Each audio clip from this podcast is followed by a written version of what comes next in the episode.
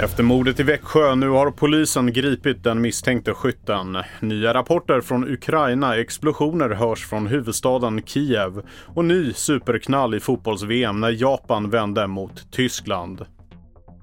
Det här är TV4-nyheterna. Den man som misstänks skjutit ihjäl en man i 70-årsåldern i Växjö under gårdagen har nu gripits i Tingsryd. Vi hör polisens presstalesperson Robert Löffel. Eh, detta gripandet inträffade nu här i eftermiddags vid 15-tiden på en plats i Tingsryd, som är söder om Växjö. Själva gripandet var odramatiskt och eh, vi lyckades eh, lokalisera den misstänkte till den här aktuella platsen genom ett antal olika polisoperativa åtgärder som ledde fram till gripandet. Enligt uppgifter till TV4-nyheterna är upprinnelsen till mordet missnöje med en fastighetsaffär. En bekant till den misstänkte säger att mannen ångrat husaffären och att det sedan gått snett. I Ukraina har uppgifter om flera explosioner kommit från landets huvudstad Kiev. Enligt borgmästare Vitali Klitschko har bland annat en infrastrukturanläggning träffats.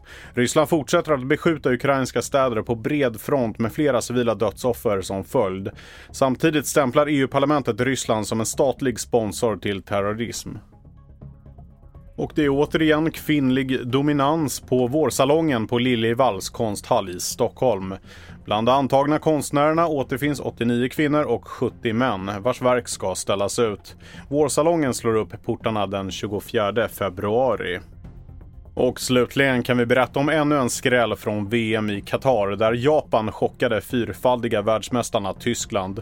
Slutresultatet skrevs till 2-1 efter att Japan vänt underläge.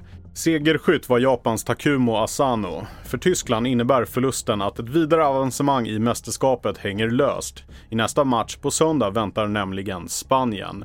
Mitt namn är Felix Bovendal och mer nyheter hittar du på tv4.se och i appen.